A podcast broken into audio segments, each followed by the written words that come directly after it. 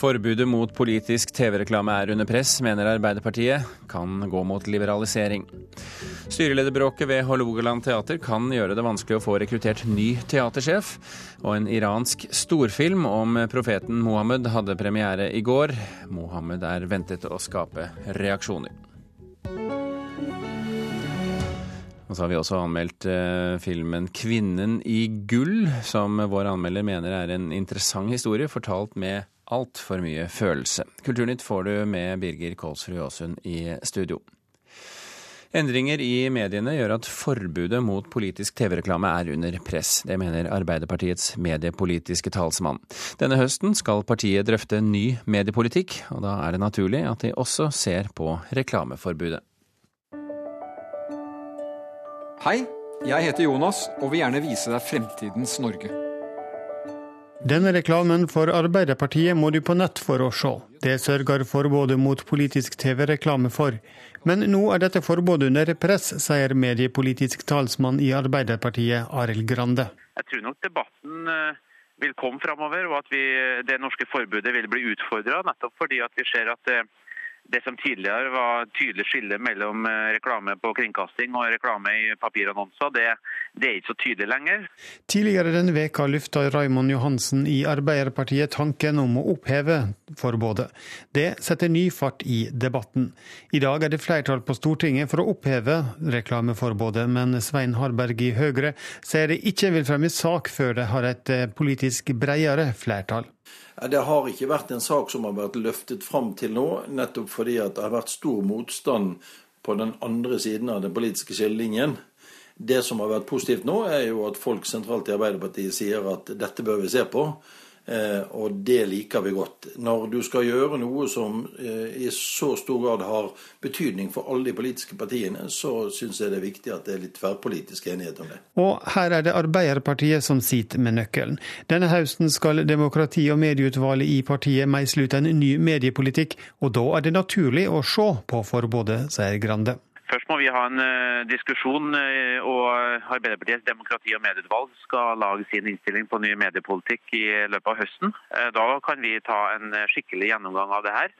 Jeg tror nok vi fortsatt vil være svært skeptiske til å åpne opp for politisk reklame på, på kringkasting. Men jeg tror vi må ta den debatten, fordi at de tydelige skillene vi så før, ikke eksisterer lenger. En avvikling av reklameforbudet vil gå ut over de mindre partiene, mener parlamentarisk leder i Senterpartiet, Marit Arnstad. USA er jo på en måte ekstremvarianten av politisk TV-reklame. Eh, og selv om Norge ikke kan sammenlignes direkte med USA, eh, så kan, det, kan i alle fall det vise oss en tendens eller en retning for hvordan eh, den type valgkamp går. Eh, jeg tror det blir en valgkamp der pengene betyr langt mer enn det de gjør i dag. Og at det vil bli større forskjell mellom de partiene som har store ressurser til å drive valgkamp, og dem som har mindre ressurser. Men om det skulle gå slik at det blir ei semje om å oppheve reklameforbudet, vil Harberg jobbe for å få løsninger som også motstanderne kan leve med? Jeg vil jo si at Hvis de store partiene på Stortinget samler seg om det, og i dialog med de mindre partiene ser på innretningen, så, eh, så holder det. Skal det være noe i statstilskuddet til partiene som skal rettes spesielt mot reklame, f.eks.? Det er bare en sånn idé som vi lufter opp, for å se om, om, det er noe som de vil diskutere. Men Arnstad har lita tro på en slik løsning. Eh, altså, du kan ikke på en måte snekre en økonomisk fordeling mellom partiene basert på at du skal eh, dekke opp eh, den ressursbruken som politisk TV-reklame krever. Reporter her, det var eh, Espen Alnes. Magnus Hoem Iversen, stipendiat ved Institutt for informasjon og medievitenskap ved Universitetet i Bergen. Velkommen til Kulturnytt. Tusen takk. Hvor sannsynlig er det at vi kan få politisk eh, TV-reklame i Norge etter hvert? Altså Hvis Arbeiderpartiet nå etter diskusjon går inn for det, så begynner det å bli ganske sannsynlig. De har nemlig vært eh, forbudets fanebærere på mange måter gjennom mange år. Eh, og som vi hørte i saken før her, så har Høyre og Frp eh, flertall for dette i dag, og har jo alltid vært for å fjerne det forbudet. Men så er det sånn at hvorfor ønsker man det her brede flertallet?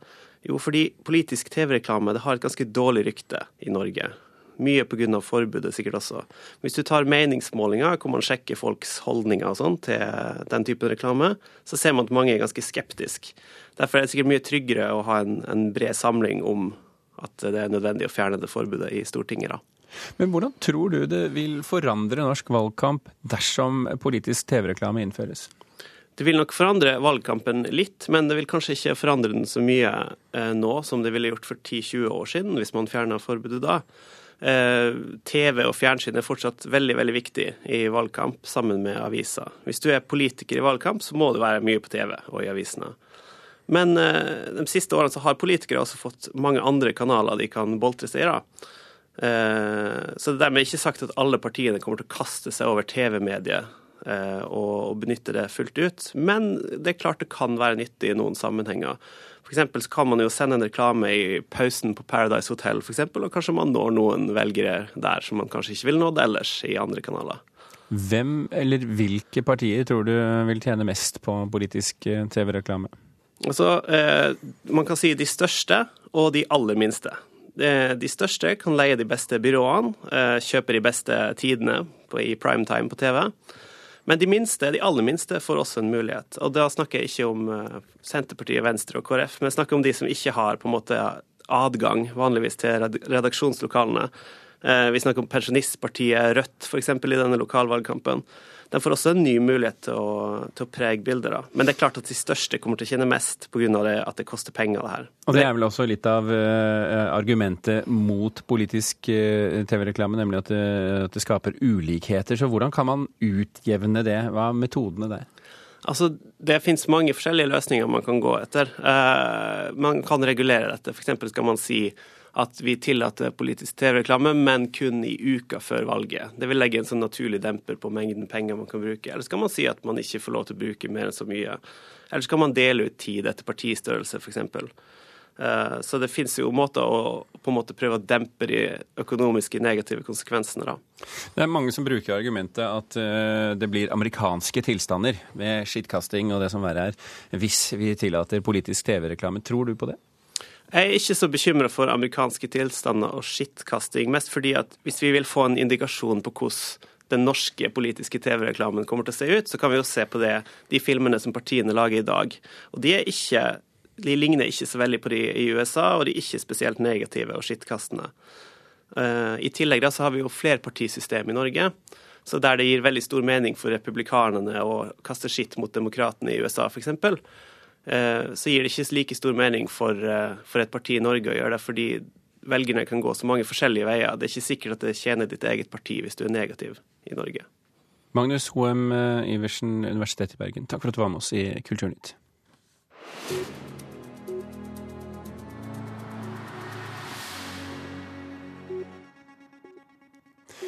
Forfatter David Lagerkrantz syns det er eh, trist at Stig Larssons tidligere samboer misliker den nye Millennium-boken hans. Lagerkrantz har tatt på seg oppdraget å skrive nye historier om Lisbeth Salander og de andre karakterene Larsson skapte før han døde, og i går ble boken lansert. Samboeren eh, Eva Gabrielsson, altså samboeren til eh, Larsson, har uttrykt stor misnøye overfor den nye boka, siden hun fikk vite om den for et år siden, og overfor Dagbladet i dag frykter hun at nye bøker vil gjøre at leserne vil glemme glemme de opprinnelige. Forfatter Lagerkrantz er imidlertid ikke med på at boka hans er litterær likskjending, slik forfatter Anne Holt omtalte den i Kulturnytt i går. Jeg har skapat ljus til hans litteratur. Bøkene gir penger til hans livsverk Expo. Vi har begynt lese hans verk igjen. Ja, eh, hans karaktärer blir ännu mer ikoniska. Eh, eh, folk börjar läsa. Jag har aldrig känt så många som har börjat längna åt det. Så det här med likskängning och tala för de döda, det är ju dumheter. Det är ju bara dumheter. Det här gör hans författarskap gott. Vad är tråkigt som gör mig ont i hjärtat? Mm. Det är ju att Eva Gabrielsson är ledsen och arg. Och det gör mig uppriktigt ledsen att man inte har eh, eh, kommit överens om rättigheterna och det gjør meg ledsen. David Lagerkrantz sa det. For en eh, times tid siden kom eh, kortlisten fra Norsk Filminstitutt over de tre norske filmene som kan bli årets Oscar-bidrag i klassen beste ikke-engelskspråklige film. Og de tre filmene er Å vende tilbake i regi av Henrik Martin Dalsbakken, De nærmeste i regi av Anne Sewitsky og Roar Uthaugs premiereklare katastrofefilm Bølgen. Hvilken av disse tre det blir, offentliggjøres onsdag 2.9, og selve Oscar-utdelingen er i slutten av februar. Styrelederbråket ved Hålogaland teater kan gjøre det vanskeligere å få rekruttert ny teatersjef. Flere er sterkt kritiske til at eierne bytter styreleder, samtidig som ny teatersjef skal ansettes. Fagforeningene ved teatret har nå fått signaler om at aktuelle kandidater vurderer å droppe søknaden, og det bekrefter Birgit Bøeng i Norsk tjenestemannslag. Vi har også fått signaler om at det er potensielle søkere som nå vil eh, vurdere å la være å søke pga. det som har skjedd. Det er fryktelig synd. NRK har de siste dagene snakka med en rekke potensielle kandidater til den ledige sjefsjobben ved Hålogaland teater. Flere er kritisk til at styreleder Herman Kristoffersen ble bytta ut ett år før tida og mot sin vilje. Beslutninga ble fatta i ei ekstraordinær generalforsamling bak lukka dører og med vantro ansatte på gangen. Heller ikke ansatterepresentantene i styret fikk være til stede.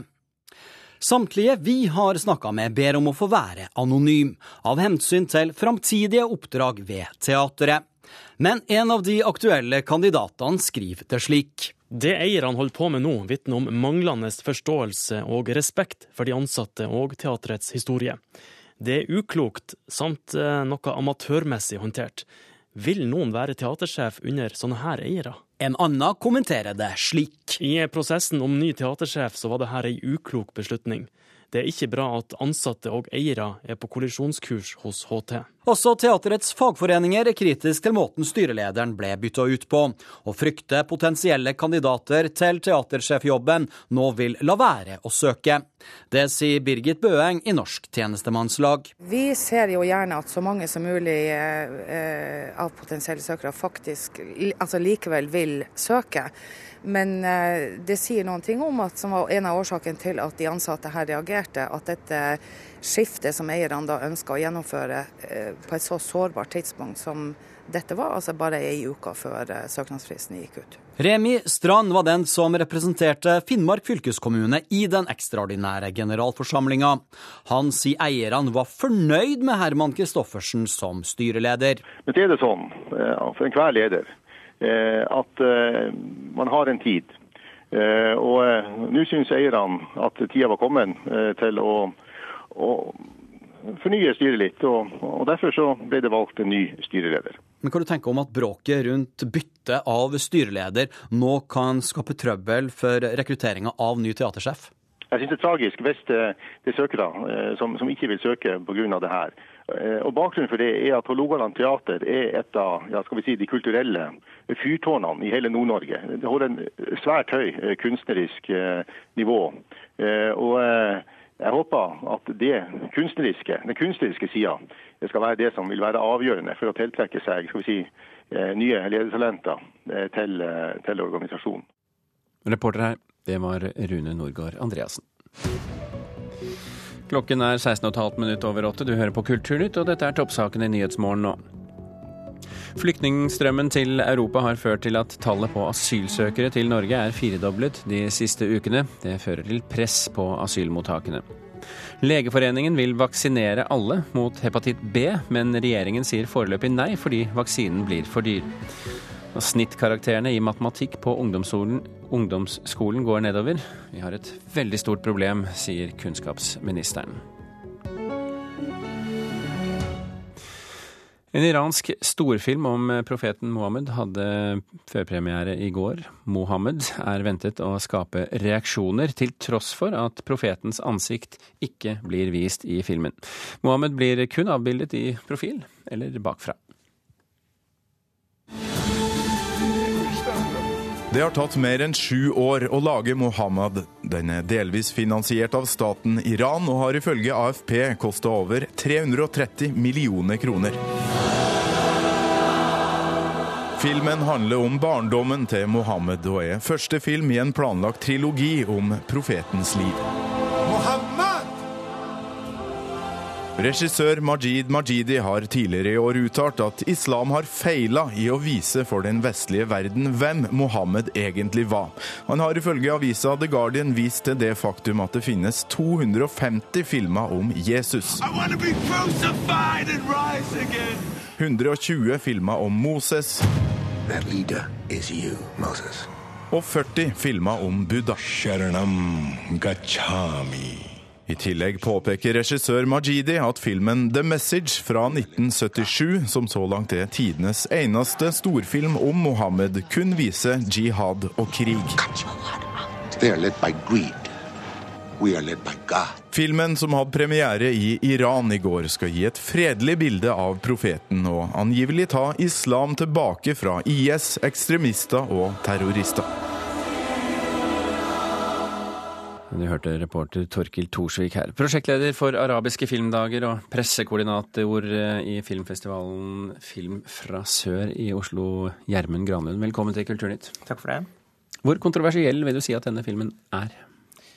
Ja, altså Den er jo eh, absolutt kontroversiell i den forstand at den har vekka reaksjoner fra sunnimuslimsk hold. Først og fremst da fra El-Azhar-moskeen i, i Egypt, som har sagt for lenge siden at denne filmen ikke burde lages fordi man ikke burde lage filmer om profeten Muhammed, fordi det kan føre til negative konsekvenser da.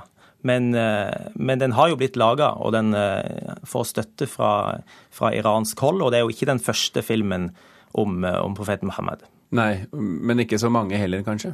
Nei, som dere sa i introen her, så er det jo laga ekstremt lite filmer om, om Mohammed. Det er som du sa, den fra 1977, og så er det jo laga en tegnefilm faktisk fra, fra, 2004, som for øvrig ble dubba til norsk under arabiske filmdager i 2012. Det var jo et litt selsomt prosjekt. Ja, det vil jeg tro. Eh, men, men, men eh, likevel, eh, det at det ikke er laget noen, altså denne ene som er laget i 77, er det et, si, et underdekket behov for å se slike filmer, tror du? Ja, det vil jo Majid Majidi absolutt eh, hevde, og det er jo derfor han har laga den filmen og spytta inn ekstremt mye penger for å lage den.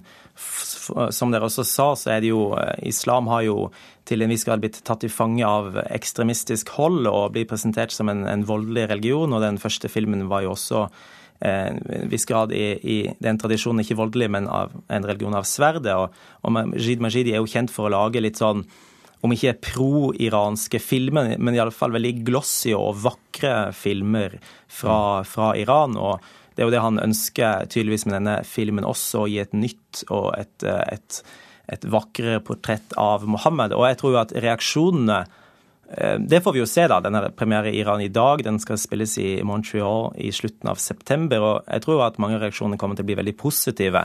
Eh, fordi at mange har lyst til å se en film om sin kjære profet. Men den, i den filmen fra 77 syns jeg husker at der ser man ikke Mohammed, i, altså kroppen hans, i det hele tatt. Du ser bare eh, Kameraet er liksom hans blikk. Mens i denne nye så skal vi se ham bakfra og fra siden. Ja, altså Påstås det? det? Det påstås. Jeg har jo ikke sett filmen ennå, gleder meg til det. Um, og det har jo um, De sunni-lærde fra Al-Azhar sier at det spiller ingen rolle om du ser uh, Mohammed eller ser en kontur av ham eller ser ham bakfra eller hører stemmen hans. Det samme, det går ut på det samme. Eh, mens eh, det Majid Majid de ønsker å si, at det må gå an å portrettere profeten på en ikke-blasfemisk eh, måte. Og han er, han er, ikke kjent for å ta lett på dette her heller, fordi i 2006 så, så boikotta han filmfestivalen i, en filmfestival i Danmark pga. karikaturtegningene mm, mm. av Mohammed. Så han, han er han, ja, dere har ikke denne filmen på programmet, så vidt jeg forstår. Vil dere vurdere å ta den inn? Vi har ikke den på programmet under eh, årets eh, filmfestival i oktober, altså Fifa sør, men vi kommer sannsynligvis til å sette den opp under vår søsterfestival, Arabiske filmdager, i april 2016. Vi får se om du får tak i den. Gjermund Granlund, tusen hjertelig takk for at du kom til Kulturnytt. Takk for det. Vi skal fra filmbransjen til spillbransjen, som er i kraftig vekst. Den omsatte for 330 millioner kroner i fjor, ifølge en rapport Produsentforeningen Virke laget i vår. Produsentforeningen har imidlertid fryktet at deler av bransjen kan forsvinne ut av landet dersom ikke støtteordningene blir bedre. Og akkurat nå, i dette øyeblikk, så pågår det en pressekonferanse i Oslo sentrum, og vår reporter Torkil Thorsvik har tatt uh, turen ned. Torkil, uh, hva har kommet frem på pressekonferansen så langt? Toril Vidvei har for eh, få sekunder siden presentert et nytt pilotprosjekt som kalles Spill ut i verden. Ehm, det er penger det er snakk om, så klart. 10 millioner kroner. Det er 5 millioner fra Kulturdepartementet og 5 millioner fra Innovasjon Norge, som utelukkende skal gå til, til eksport av norske dataspill. Og jeg har med meg Direktør i eh, Virke Produsentforeningen, Torbjørn Urfjell. Eh, du har snakka mye om å få eksportert norske dataspill. og Er det her det spillbransjen trenger nå? Dette trenger spillbransjen. Det er en veldig gild nyhet å få på morgenen her, at regjeringa har lytta. Det er jo slik at uh, Markedet til norske spill de er absolutt uh, nesten fullt og helt i utlandet. Så det er den perfekte bransjen å begynne dette tiltaket med. Du har òg eh, snakka mye om at eh, støtteordningene ikke er, er gode nok. Eh, Finland har Angry Birds-suksessen. Vi har sett Candy Crush i Sverige. Vi har jo Wordfeud og Fundrun her i, i, Norge. Men for å få de helt store suksessene, er det kun 10 millioner til eksport som trengs? Nei, Det er mye mer som skal til, og det er mye som må næres i den bransjen som vokser. Det som også er med norsk filmbransje, det er at de er spesielt gode på kulturelle spill. Spill som har kulturelle og kunstneriske kvaliteter i seg. Eh, om suksessene blir like store som de største internasjonale, det kan jeg ikke love. Men det er en vekstbransje som eh, har sjanse til å få bærekraft i spillene sine. At de kan spilles av folk i USA, i Tyskland, i Japan, der pengene for brukerne kommer. Og nå ser vi at eh, det blir et samarbeid mellom kultur og næring, noe vi nettopp har etterlyst. Regjeringa lytter på det, og vi håper det smitter over på andre områder framover. Dette er i hvert fall en start?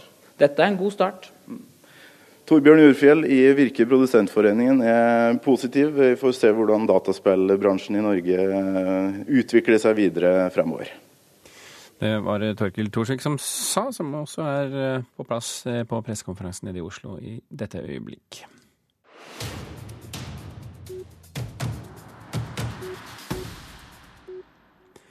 Kvinnen i gull er en av premierefilmene denne uken. Det er en engasjerende historie, ifølge vår anmelder, og med Helen Mirren i hovedrollen og Simon Curtis som regissør, så burde det også blitt en god film. Men det har det ikke. Vår anmelder syns den er unyansert, og at enkelte typetegninger grenser til karikaturer. Her har du Einar Gullvåg Staalesen. Kvinnen i gull er et maleri. Maleren er Gustav Klimt. Filmen om bildet har samme tittel. She is the Mona Lisa of Austria. Do you think they will just let her go? Alle kjenner det bildet. Det er Østerrikes Mona Lisa, det vil si, det var Østerrikes Mona Lisa. Filmen handler om det som skjedde med Gustav Klimts overdådige kvinneportrett i bladgull og klare farger etter at nazistiske myndigheter tømte eierens jødiske borgerhjem i Wien for kunst og skatter. Naziregimet annekterte kunst for milliarder fra jøder som ble sendt bort og jøder som flyktet, og etter 1945 betraktet de frigjorte landene kunsten som sin. Som bilde er Kvinnen i gull betagende. Historien om bildet er engasjerende. Men filmen selv er ikke et mesterverk. Den er formelt spilt, fornem i dialogene, stiv i dramaturgien, unyansert i typetegningene, unyansert i den juridiske informasjonen, og aldeles unødvendig følelsestung i mange filmiske virkemidler musikk, tårer, bildeskifter, stemningsbilder, visuell skjønnhet. Slik ligner denne filmen flere andre nyere produksjoner om jøders skjebne under nazismen.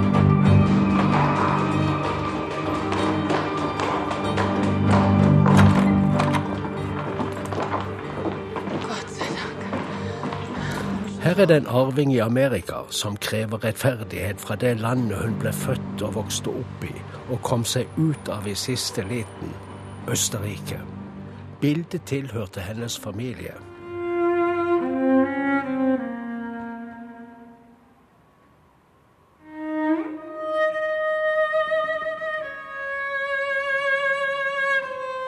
Adele Bloch Bauer var den portretterte. Filmen legger vekt på familie og status her. Maria, arvingen, er niesen til hun i bildet. Maria engasjerer advokaten Randy Schönberg, som er barnebarn til Arnold Schönberg, den store komponisten, jøde og østerriker. Fragmenter av slektshistorie styrker filmopplevelsen. Det vi ser av Østerrike i vår tid, svekker den. Det er ikke troverdig, slik filmen karikerer det. Det sa vår eh, anmelder Einar Gullvåg Staalesen, og du kan selvfølgelig lese eh, hans anmeldelser på nrk.no kultur hvis du er interessert i også flere av det. Og så er det jo Mørkets opplevelser som du kan høre på radio lørdag morgen. Kulturnytt eh, runder av. I dag har vi fortalt at forbudet mot politisk TV-reklame er under press. Ifølge Arbeiderpartiet, som skal diskutere dette til høsten, så kan det gå mot en liberalisering, hvis det er det de kommer frem til. En iransk storfilm om profeten Mohammed hadde premiere i går. Mohammed er ventet å skape reaksjoner, og kanskje kommer filmen til arabiske filmdager i Oslo i april neste år. Frode Thorshaug, Gjermund Jappé og Birger Kolsrud Aasund takker for følget.